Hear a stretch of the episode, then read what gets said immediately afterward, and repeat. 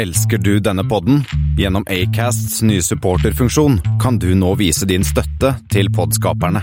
Det er helt opp til deg hvor mye du ønsker å bidra med. Klikk på lenken i podbeskrivelsen for å støtte podkasten.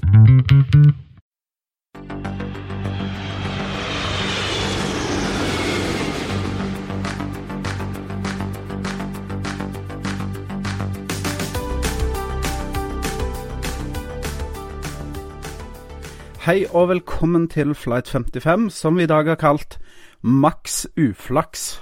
Dagen i dag er 12. mars, og det er i høyeste grad prega av 737 Maks 8-flåtene til bl.a. Norwegian er satt på bakken. Det skal vi selvfølgelig snakke om. Vi skal også snakke om SAS og Norwegian sine tall for februar. BA sin, sitt nye Lando-fargeskjema, som bringer tilbake 80-tallet med stresskoffert og Margaret Thatcher-hår. Den har landa på Heathrow. Og så har Thomas Cook Skandinavia landa et pent resultat. Og Grunnen til at vi har litt bakgrunnsstøy i dag, er jo da at Christian, du er med oss fra Austin i Texas. Howdy. Jeg står nå på et, hjørne på Fairmount Hotel sånn rett utenfor Convention Center etter, midt i South by Southwest, og fant liksom det, det stilleste området jeg kunne finne. Og vi har også med oss fra Asker Espen Næss. God dag, Espen. Hallo, hallo. Her sitter jeg i, i stillheten i, sammen med flymodellene mine og, og prater. Og selvfølgelig med oss òg i dag undertegnede Thomas Lone. I dag har vi med oss en gjest, Marius Lorentzen fra E24. Hei, hei, Marius. Fra selveste E24-podden? Jeg tenkte det at med alt som skjer, så fant vi ut at vi måtte ha med oss en journalist som faktisk har betalt og har dette som dagjobb, og, og holder seg oppdatert på de, de tingene som skjer bl.a. i flyverden. Så det var jo veldig sporty av oss at du kunne være med på, på så kort eh, varsel. Ja, bare hyggelig. Ja, det er jo et privilegium å få betalt for å skrive om luftfart. Det er jo stort sett bare gøy, selv om Norwegian har det ganske tøft i dag, da må vi jo si.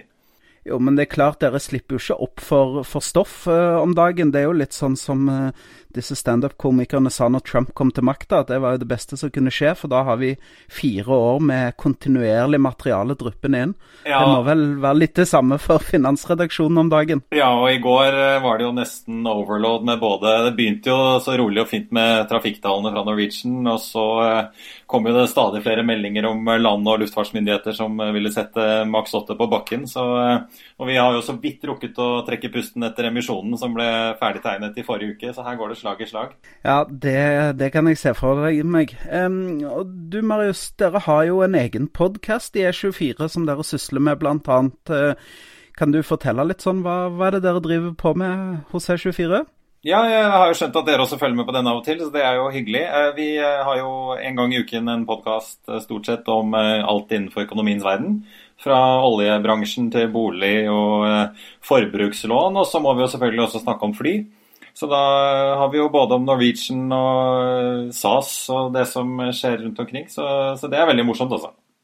Det, det, den har vi jo anbefalt før, så den anbefaler vi gjerne igjen der. Eh, Podkasten til E24 heter vel Lorentzen og co. Men eh, jeg tenker vi går litt videre. Vi har sett litt på um, Marius, vi pleier å ta med kort noen flighter, og i dag har vi jo flight 55.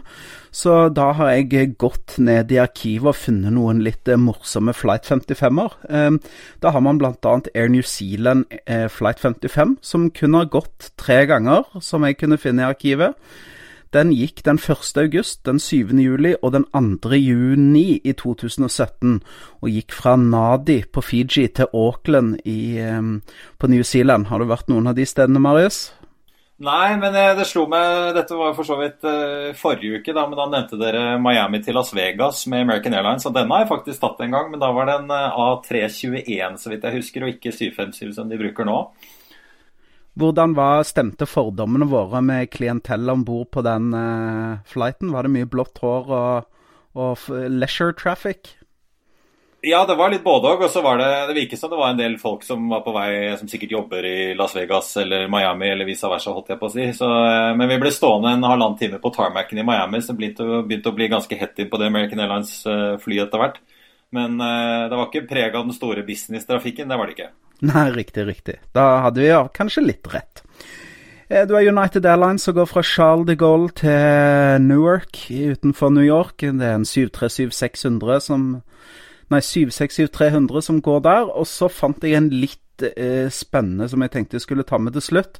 Vi har jo snakka om Aski Airlines som holder til i Togo. De har en Flight 55 som går mellom Libreville, Lagos og tilbake til huben deres i Lome i Togo. Eh, og det var jo De sprang jo ut ifra dette her eh, Era Frikk-initiativet, der de skulle lage skal vi si, Afrikas svar på SAS. Eh, så de sprang ut av det um, på, på 2000-tallet. Uh, og um, det er jo litt spenstig, fordi at uh, Ethiopian Airlines, som vi skal snakke om senere i dag, de, deres flight fra Addis Ababa til New York, den tar en stopp på tur og retur innom Lome. Så de har et ganske godt samarbeid med Ethiopian Airlines også. Så um, det er vel også kanskje en av de få flyselskapene som har lagd en egen separat business-klassekabin i, i Dash 8Q400-maskinene. Så de er um, selskap har uh, åtte fly, men, uh, og, og, driver rundt der ute i Vest-Afrika. Så de um, og flyr litt uh, lokaltrafikk til landet rundt, og flyr til Liberia, Tsjad og Niger og Burkina Faso og litt sånn forskjellig. Men jeg tenkte i dag så hopper vi rett på sak, og da, Espen og Marius, så skal vi se litt på trafikktallene til SAS. Kanskje du presenterer de litt for oss, Espen. Er det hyggelig lesning, eller er det som eh, forventa? Du, eh, det er vel som forventet, og her Jeg føler jo at SAS bruker kopimaskinen hver gang de presenterer uh, tallene sine. Drøye to millioner passasjerer, opp 0,3% så er jo omtrent det samme som i fjor. ASK bitte lite grann opp, RPK litt mindre, sånn at kabinbelegget faller noen små, små knepp. Så de flyr jo med to tredjedels tomme fly. Men det gjør de jo hvert eneste februar.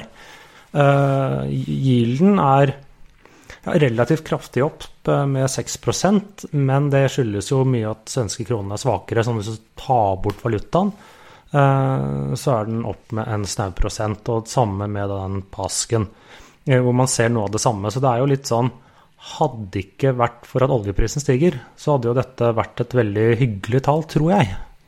Eller relativt hyggelig tall for å være februar.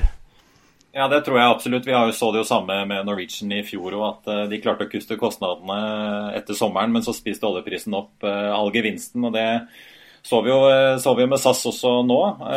Så det, det er jo litt sånn, det er jo noe de ikke kan kontrollere, disse stakkars flyselskapene. Da, men det må jo være litt bittert når man har klart å ha god kontroll på driften og få ned kosten, og så ser du bare at OPEC og Equinor sluker all gevinsten. Ja, ja absolutt. Også, men så er det jo da store spørsmålet var det klart egentlig å, å, å videresende av regningen til eh, passasjerene. For jeg føler jo det er liksom SAS har egentlig si, to problemer. Det er en svak valuta, og det er uh, oljeprisen. Hvis du ser sånn forverring fra året før, er det, er det en god teori? Ja, altså jeg vil, jo si at det begynner jo i hvert fall å bli ganske tomme fly på SAS. da, Så man kan jo begynne å lure hva de skal gjøre når de nå får inn A320 Neo med flere seter etter hvert. Det, det, kan i hvert fall bli en utfordring for dem å fylle av disse litt mindre, litt mindre rutene rundt i Skandinavia som går med jetfly.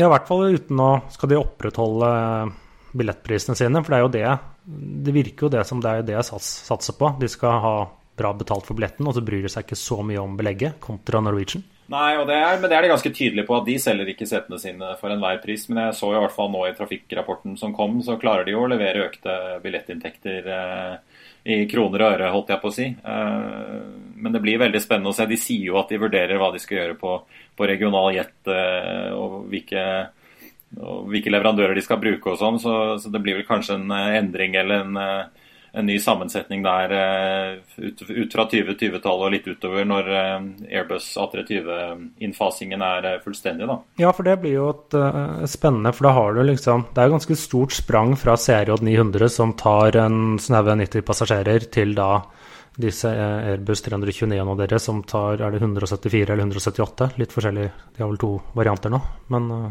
det er et veldig stort sprang. Hva, hva med mellom der? Ja, og det er jo Så blir jo også spørsmålet Nå ser vi jo Jeg tror jo også det avhenger litt av hva Norwegian gjør, og, og hva disse andre lavprisaktørene som, som, flyr inn i Norge. Jeg har jo hørt at dere har diskutert om det kommer en, en, tredje aktør inn i Norge. Det får vi jo se. Men vi ser jo at Wizz Air og, og, disse andre aktørene pøser på med nye seter inn i Norge fra, fra utlandet, både fra Polen og andre steder. Eh, og Norwegian har jo nå kuttet ganske kraftig i, eh, eller i hvert fall en god del, da, i Sør-Europa og sier at de skal flytte en del av den kapasiteten hjem. Det kan jo føre til at, eh, at SAS får litt mer press i Norden også. Eh, rett og slett fordi Norwegian eh, har noen fly de skal sette inn kanskje på de mest attraktive avgangstidene og, og rutene. Ja, det, det, er klart jeg ser altså Statistikkgrunnlaget er jo litt tynt bare for min observasjon, da, men det er klart jeg ser det at uh, disse typiske morgen- og kveldsavgangene som jeg selv benytter meg av, de er jo stort sett stinn brakke. Uh, fløy ned til Kristiansand i går fullt fly i dag, så godt som fullt fly. Så det er jo tydeligvis at det er jo mye kanskje tomkapasitet som går litt sånn midt på dagen og litt i helger og sånn. Så, så det er klart hvis Norwegian setter inn enda mer kapasitet rundt de tidene som er viktige for forretningsreisende, og også for, for fritidsreisende, så, så, kan det jo bli klart vanskelig for SAS å, å holde det prisnivået de har hatt i Norge, som nå over tid har vært uh, ganske godt for SAS, vil jeg tippe. Men uh, det blir spennende å se. Ja, og vi så jo, uh, Hvis man drar parallellen litt tilbake, da, hvis man ser litt større på det, så var det ganske interessant å følge hva som skjedde på en måte før oljekrisen, og under oljekrisen og nå etterpå. For Da var det jo veldig mange av disse europeiske KLM og British Airways og disse som trappet ganske kraftig ned hvor mange flyvninger de fløy inn til Norge særlig, da, i Bergen og Stavanger. Og de har jo kommet en del tilbake. Og det er jo klart at SAS lever jo veldig godt på mange av disse store bedriftskundene og de ansatte der. så hvis de, eh, hvis de, etter hvert begynner å fly med andre eller finne andre løsninger eller ikke er så opptatt av å reise lenger, så, så mister jo SAS en, eh, en viktig etterspørsel. da. Ja, for Det er vel kanskje det de er litt usikre på også da for sin framtidige flåte. er jo at de nå som jeg var litt inne på i stad, at de har et veldig lite fly og et veldig stort fly. Mens tradisjonelt sett så har jo en veldig stor del av flåten deres vært bygget opp av, av 120 seter og 140 setere. Ja, som egentlig forsvinner. Ja, og det har vel vært nøkkelen til at de kan ha ganske høy frekvens på typ Ålesund, Bergen, Stavanger, Trondheim og en, en del av de som ikke går via Oslo f.eks. Eh, så jeg, eh, Det blir jo spennende å se om, de, om Widerøe får gjennomslag og klarer å selge seg inn hos SAS til slutt, eller om de bare må fortsette å fly for Finnair og fly charter med disse Embraer-flyene sine. Ja, for de har jo et fly som kan passe litt sånn i midten der mellom CRJ-en og, og Airbusene, så det er klart uh, hvis de skjønner at SAS er interessert, så, så skal du ikke se bort ifra at det blir noe, noe business der uh, videre som flyr for SAS. Ja, absolutt. Det, men det er egentlig ganske spennende å se hva SAS gjør strategisk. Både på toppen med A350 som kommer inn på langdistanse, og hvilke ruter den blir satt på. For den er jo har jo enda flere seter enn 330 og 340. Og så se hvordan de på en måte fyller inn det tomrommet som dukker opp under 320. da. Det blir spennende å se. Vi kan bare følge med, og det er jeg sikker på at du, du skal, Marius. Og det skal i hvert fall vi i Flypodden også. Men eh, vi kan jo ta og hoppe over til skal vi si storebroren eh, Norwegian, Espen. De leverer tall og eh, ja, for, for, for, en gangs skyld så ser vi et plusstall. Eh, når det kommer til yield, så det må jo være i hvert fall litt gledelig. Ja, øh, men den har jo en liksom motvekt. Hvis vi begynner på toppen, da. Øh, 2,5 millioner passasjerer pluss 8% at de vokser det ensifret, det er jo ganske lenge siden. Uh, Asken er opp 15. RPK pluss 11, så det gjør jo at deres kabinfaktor faller jo med nesten 3% til 81,5% Og du kan si det er jo enormt mye bedre enn hva SAS har til sammenligning. Men sammenligner du da med de andre europeiske lav, lavprisselskapene, ta Ryanair, Wizz Air, uh, EasyJet, så ligger jo de langt under uh, på den. Um, ja, og det, men det virker jo som Norwegian også har blitt mer bevisst. Jeg skrev, når jeg skrev om disse Norwegian-tallene, så skrev jeg at de hadde i gåseøynene tatt en SAS, for de hadde også og helt åpenbart prioritert å, å, å holde billettprisene litt i sjakk og ikke selge disse setene for enhver pris.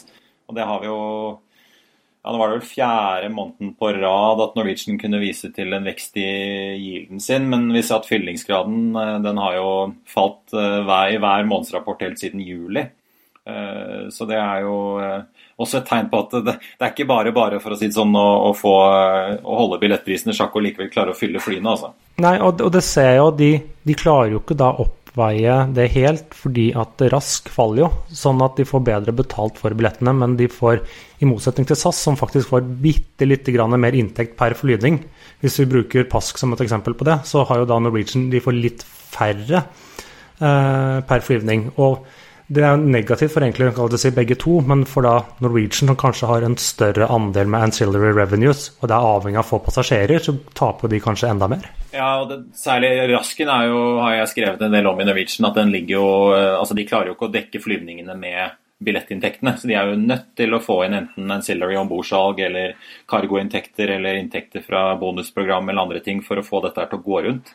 Eh, og Der ser vi at SAS ligger milevis over å få inn, få inn inntjening per passasjer.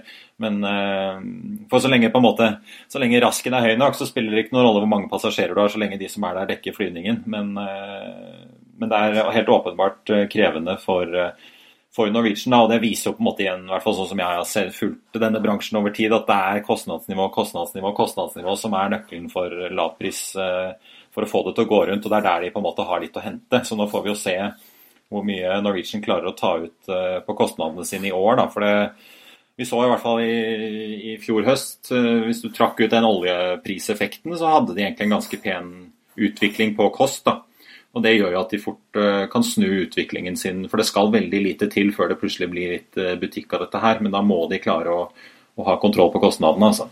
Ja, for det, det, har de jo ikke. Man må jo si ærlig at de har det ikke helt, helt hatt. Og de har jo presentert et uh, kostnadsprogram nå, selv om jeg skal godt innrømme jeg ble ikke helt klok på det. De kom med en høy, fin, rund sum uten at jeg helt vet hvordan, eller skjønte hvordan de skal faktisk spare alle disse milliardene. Det er nok, eh, jeg tror nok svaret er litt sånn mange bekker små. En del av det er nok rett og slett at de roer ned veksten sin. og det er klart da da sparer de mye i sånn introduksjon og innfasingskostnader på mye, mye nye ruter og bare ansettelser av alle disse folkene som de har ansatt ja, de siste årene.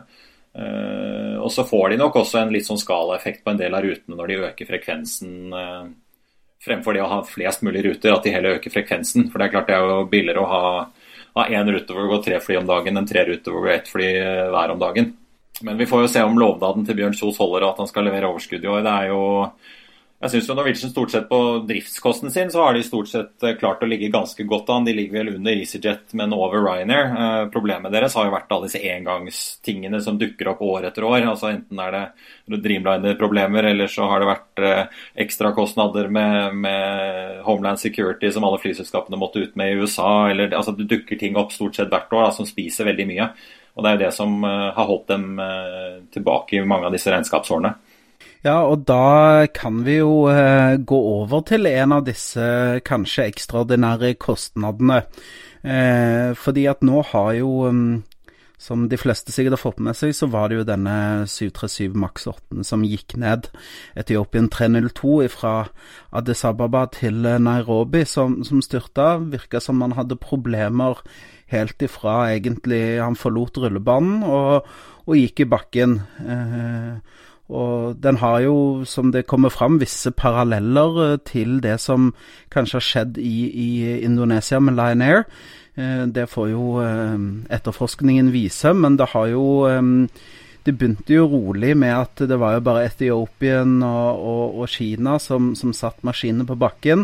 Men i dag, Marius, har det jo vært en ekstrem utvikling i forhold til det. og jeg, jeg, ser for meg litt i redaksjonen hos dere. Det var litt sånn stopp pressen-stemning, og det tikka inn at land etter land nå har eh, Og, og flyselskap etter flyselskap har grounda maskinene sine. Hvordan, eh, hvordan, har det vært på jobb i dag? Ja, det har vært eh, hektisk. Vi fulgte jo Vi har jo fulgt alle disse meldingene fra alle disse forskjellige landene, og luftfartsmyndighetene kommer egentlig inn på tikkende bånd. men i går, altså på mandag, så var det jo en litt sånn rød tråd at med unntak av Det var vel Cayman Airways som var unntaket. Så, ha, så valgte jo alle vestlige land og flyselskap å, å, la dette flyet fly videre inntil videre.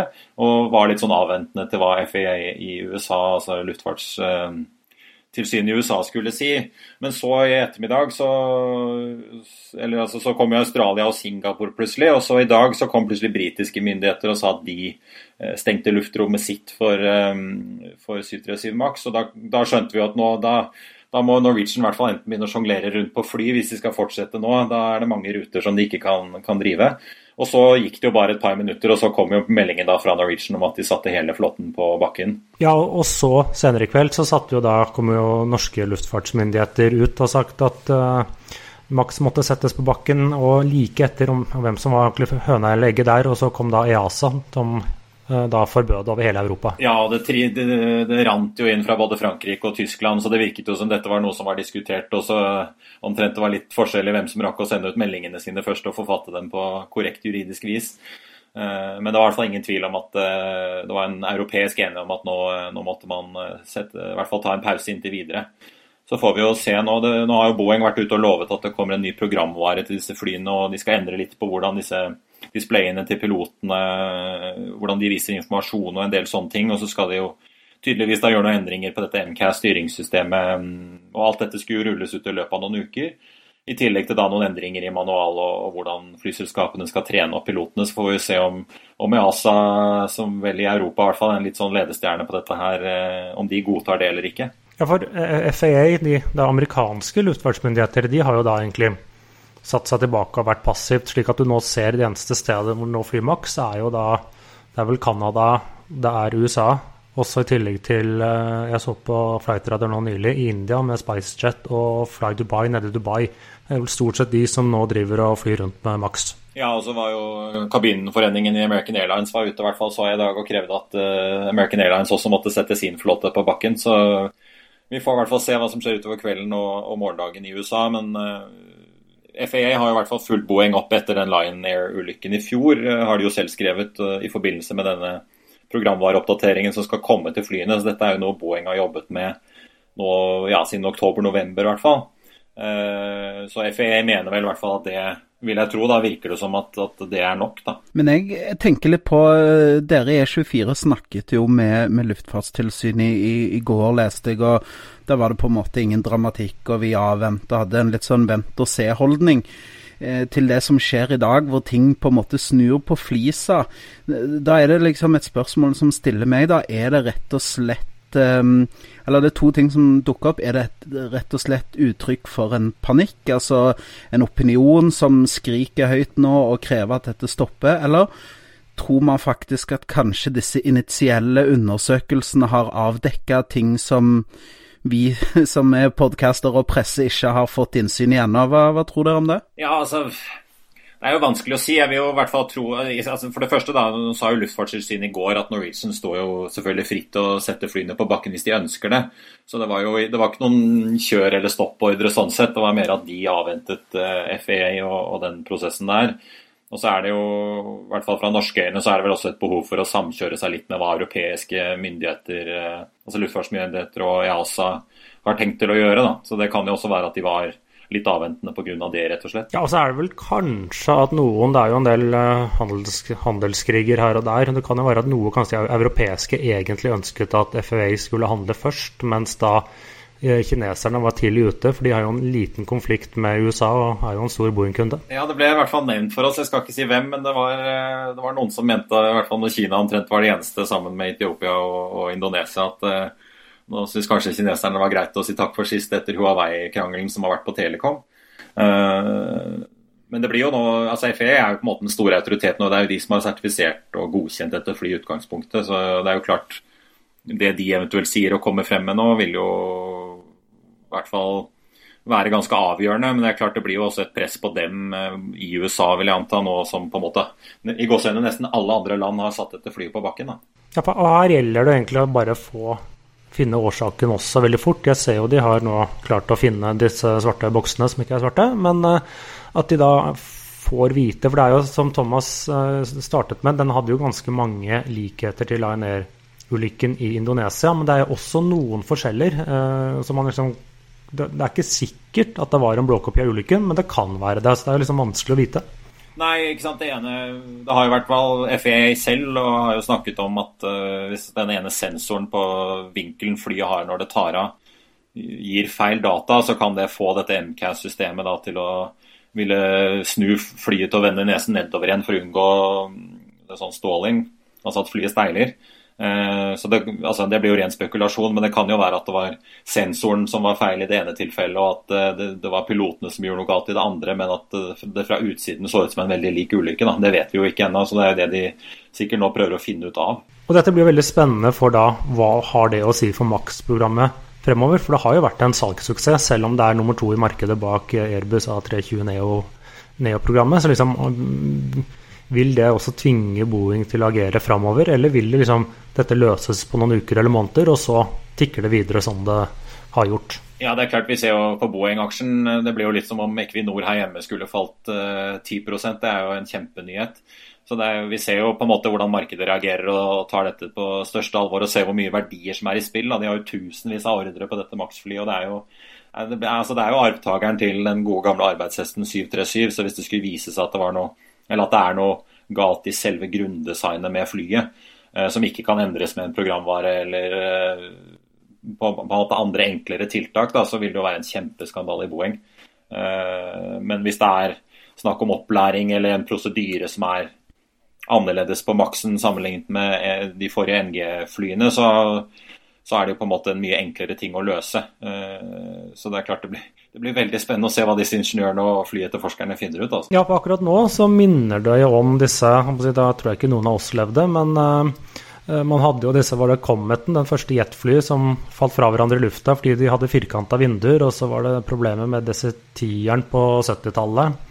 Og det er jo flere andre fly opp gjennom historien som har blitt grounded, og som det har vært noen har vært vanskelig å finne løsning på, mens andre kanskje har vært en enklere løsning. Så det blir jo liksom se, spennende å se hva som skjer her. Ja, Nå er jeg ikke noe pilot, men det er i hvert fall jeg tenker Fordelen for Boeing må jo være at dette er en videreutvikling av en modell som vi vet har vært veldig bra og har fungert i tiår etter tiår. Sånn at det er jo snakk om primært av nye motorer og, og, litt mindre justeringer på designet. Men det er jo ikke en helt ny flytype sånn sett. sånn at uh, man skulle jo tro at uh, da ville de kunne i så fall endre dette med mindre inngrep enn hvis det var snakk om en helt ny flytype.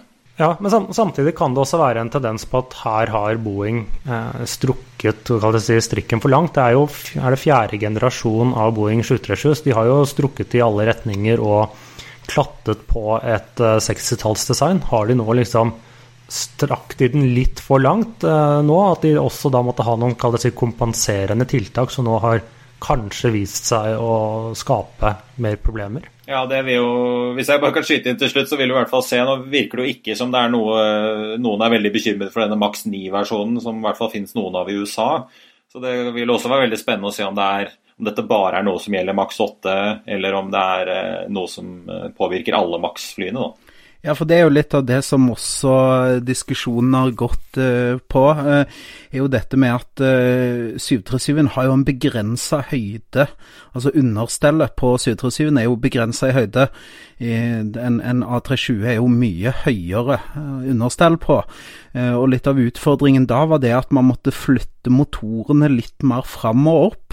Eh, som har gjort en del med, med balansen på flyet. Eh, så det er klart, hvis, hvis feilen ligger der, og, det, og, dette er noe ting som ikke enkelt kan løses med en softwareoppdatering som du snakker om, så da, da, da, er det jo faktisk katastrofalt for Boeing. Eh, og det tenker jeg kanskje også taler litt for den teorien med, om at 737 Max 9 ikke er påvirka, fordi det er jo et lengre fly, det er litt større, og kanskje ikke er så, um, holdt jeg på å si, uh, ømfintlig i forhold til hvordan at disse motorene har blitt skjøvet litt fram og litt opp for å få klarering til bakken. Så, så, det blir veldig spennende å følge med på. og Vi får jo bare krysse fingrene for Boeing sin del at dette kan løses enkelt og greit med rutine og oppdateringer og softwareoppdateringer. Ja, så får jeg bare skyte inn at uh, ja, Hvis man sier da at Espen har rett, at det er noe litt mer fundamentalt uh, galt, så er det jo vil det også få enorme konsekvenser, ikke bare for Boeing, men alle disse flyselskapene som har bestilt dette flyet i enorme antall. er jo Ryanair-sjefen snakket jo om at de skulle ha fem stykker i år, men neste år får de jo 50. Så det er jo på en måte, den erstatter jo veldig mange av disse store um, flåtene.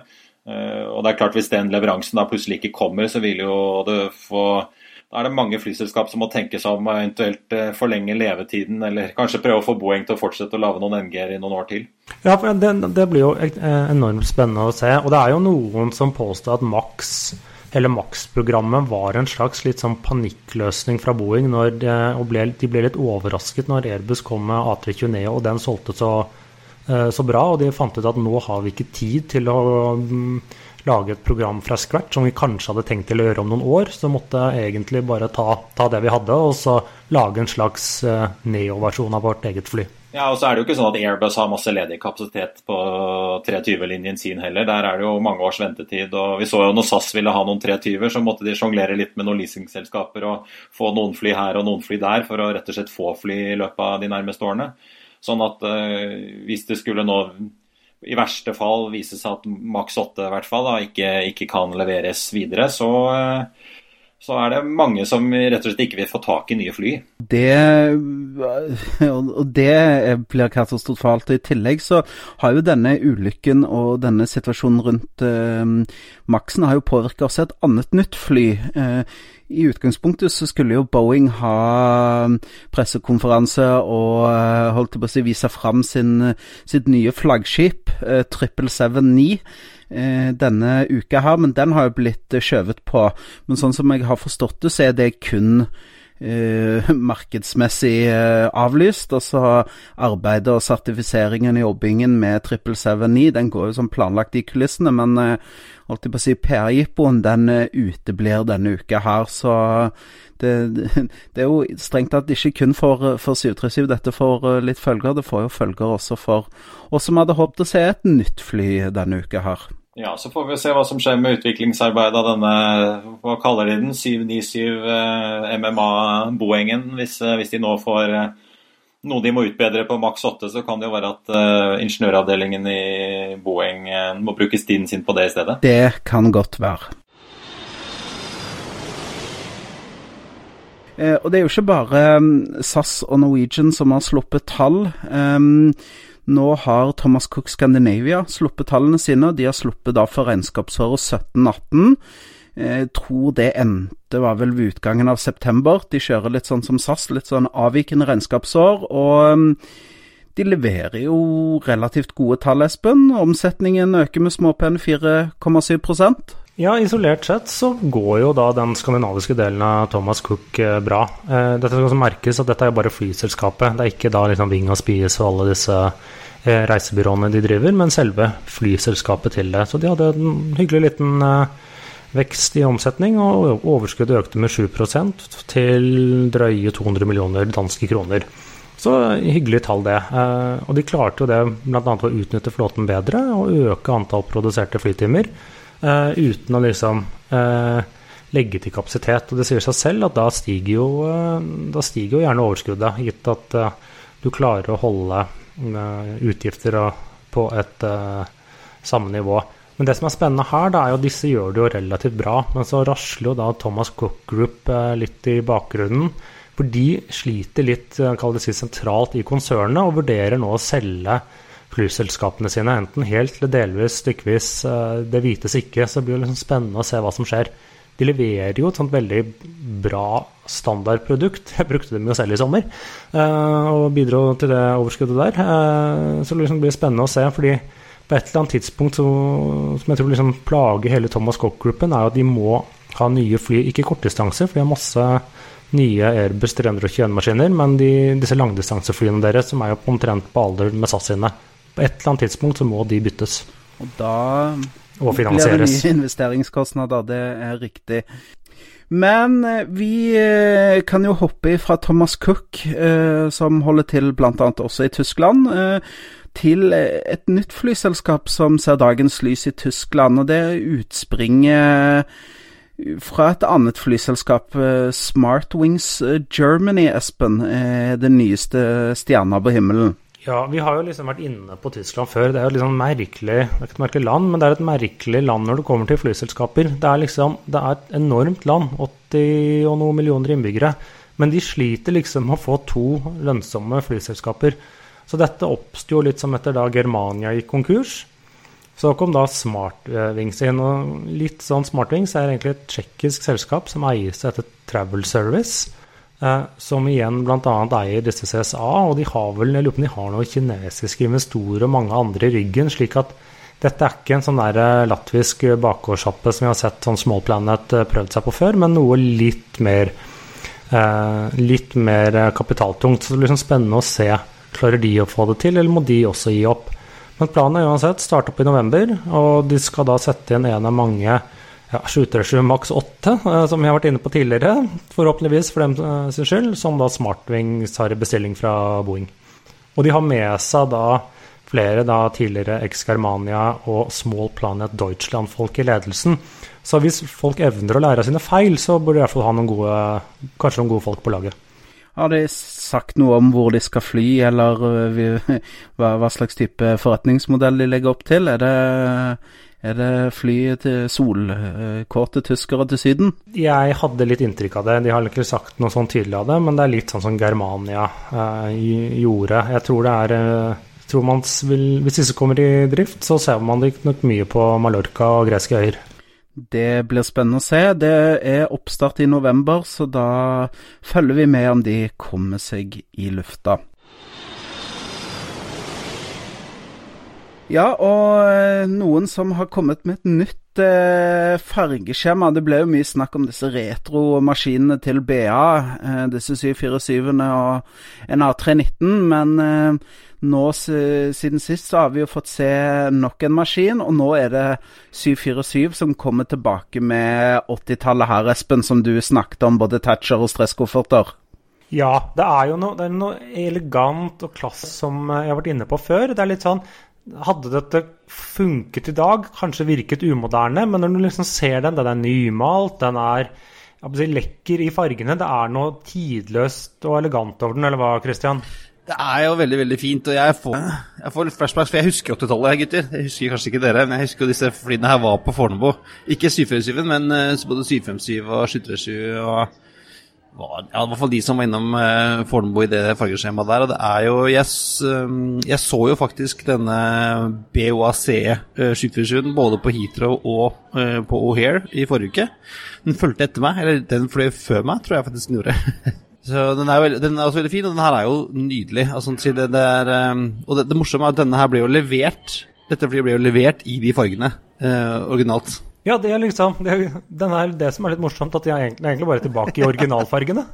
Skal vel eh, levere tilbake sånn som den kom, da. Ja, det blir spennende å se. Og da er jo da tre av fire planlagte maskiner ferdig. Så gjenstår det da den Negus og Negus-maskinen som nå skal være inne til lakkering. Og vi holder jo lytterne våre oppdatert på hva våre synspunkter er om den nå. For Antar vi må det. Og, og, mens vi er inne på nye farger, gutter, så er, det veldig hardnakte rykter der borte i USA nå om at United kommer med et nytt fargeskjema om ikke så altfor lenge. Har du, for uh, United har jo lansert et, uh, en kampanje en sånn kunstkamp, hvor de har invitert kvinnelige kunstnere til å designe to 757-er, er det vel? Uh, og I forbindelse med den så slapp de da en tegning av en 757 med mye større United-titler. Sånn, nå har de jo over vinduene, nå kommer de til å gå sånn, ned under vinduene. Men, men var, det, var, det, United som slapp den, eller blander jeg nå? For jeg så noen sånne tegninger på Facebook, men det var kanskje noen sånne, som, som, som oss som satt hjemme og ja, nei, vi, vi, legger ut link til dette selvfølgelig i poden, men det er, altså, det er en, en, en, kampanje, en kunstkampanje, og da slapp de da denne tegningen som viser hvordan, eh, hva de skulle holde seg innenfor. De får ikke lov til å male halen, de får ikke lov til å male motorene. Og så må de ha United-titlene enten i eh, hvitt eller solid farge. da. Og så slapp de også med eh, en liste med farge, en ny fargepalett eh, som matcher med det de har gjort på uniformsiden og interiørsiden. Ja, for dette pratet vi jo om for det var vel noen måneder siden, eller noe sånt, og de liksom presenterte denne ja, fargepaletten. Og det, liksom, det blir jo spennende å se hva som skjer, for det er som jeg sa da også, at jeg syns United, eller dvs. Si de gamle Continental-fargene, er blant de kjipeste fargene nå. Eh, av de amerikanske. Du ønsker tilbake til gamle United, sånn som minner litt om British Airways sine Landor-farger? Nei, jeg, jeg likte den lyseblå, de blåtonene. Ikke den, ikke den derre Battleship Grey. Så Den oransje var jo liksom noe for seg selv. Den derre Saul Bass Tulip. Ja, ja, den der gamle 80-tallsgreiene. Men det var den, den, den, den, de hadde før de liksom slo seg sammen med Continental. Den syns jeg var sånn eh, Det var den jeg likte kanskje best. Så, så, blir det jo spennende å se da hva de nå, eh, nå, ender med. For nå er det jo litt sånn som jeg sier, de har de kjedeligste fargene nå, de amerikanske. Men sånn som Delta og American føler jeg har blitt litt, litt mer stilrene. Uh, og, og, så kan du si mange av de lavprisselskapene der, de du kan diskutere om de er fine eller ikke, men de har også en mer utstråling, eller liksom, de er mer ærlige i kommunikasjonen. Du har disse knallgule Spirit. Ja, ja Spirit eksempel, som ser jo helt forferdelig ut, men, du, ja, men du ser den jo. Du kjenner den. Ok, dette her mm. ser billig ut. Nei, nettopp. Så det blir jo spennende å se hvordan, da, hvordan de ender opp med farger. Og så er det gøy at de da lager denne, dette kunstopplegget, så vi ser hvordan de, de blir seende ut. Det er kult. Ja, mye moro. Men eh, da tror jeg at eh, vi går over til ukens anbefaling, og eh, det må vel være eh, ganske klar. Vi får anbefale E24-podkasten Lorentzen og co. for alle som er interessert i finans, luftfart, alt uh, som rører seg innenfor den verden der. Så Marius, vi, vi, sender en anbefaling til dere i E24. Takk, det setter vi pris på. så... Det er bare å følge med på E24 for å få de siste nyhetene, og så får man den grundige flypraten den får man en gang i uken hos dere, vet du. Det er helt sant. Det, det er det som er så fint, eh, når man eh, på en måte ikke trenger å konkurrere, men kan supplere hverandre. Men eh, da var det alt for denne gang. Det er på tide å feste sikkerhetsbeltene, rette opp setet og sikre fri sikt ut av vinduet ettersom Flight 55 går inn for landing. Vi takker vår gjest Marius Lorentzen fra E24 som ville være med oss i dag. Som vanlig finner du lenker til dem vi har snakket om på flypodden.no. Du finner oss på Facebook, Twitter og Instagram. Og eh, vi setter også veldig stor pris på om du støtter oss via Patron eller via Vips. Søk etter Flypodden. Har du et spørsmål, ønsker du å inviteres på flytur, sponse oss, roseris, ta kontakt på hallo alfakrøllflypodden.no. We. We truly appreciate your business and look forward to serving you on a future flight.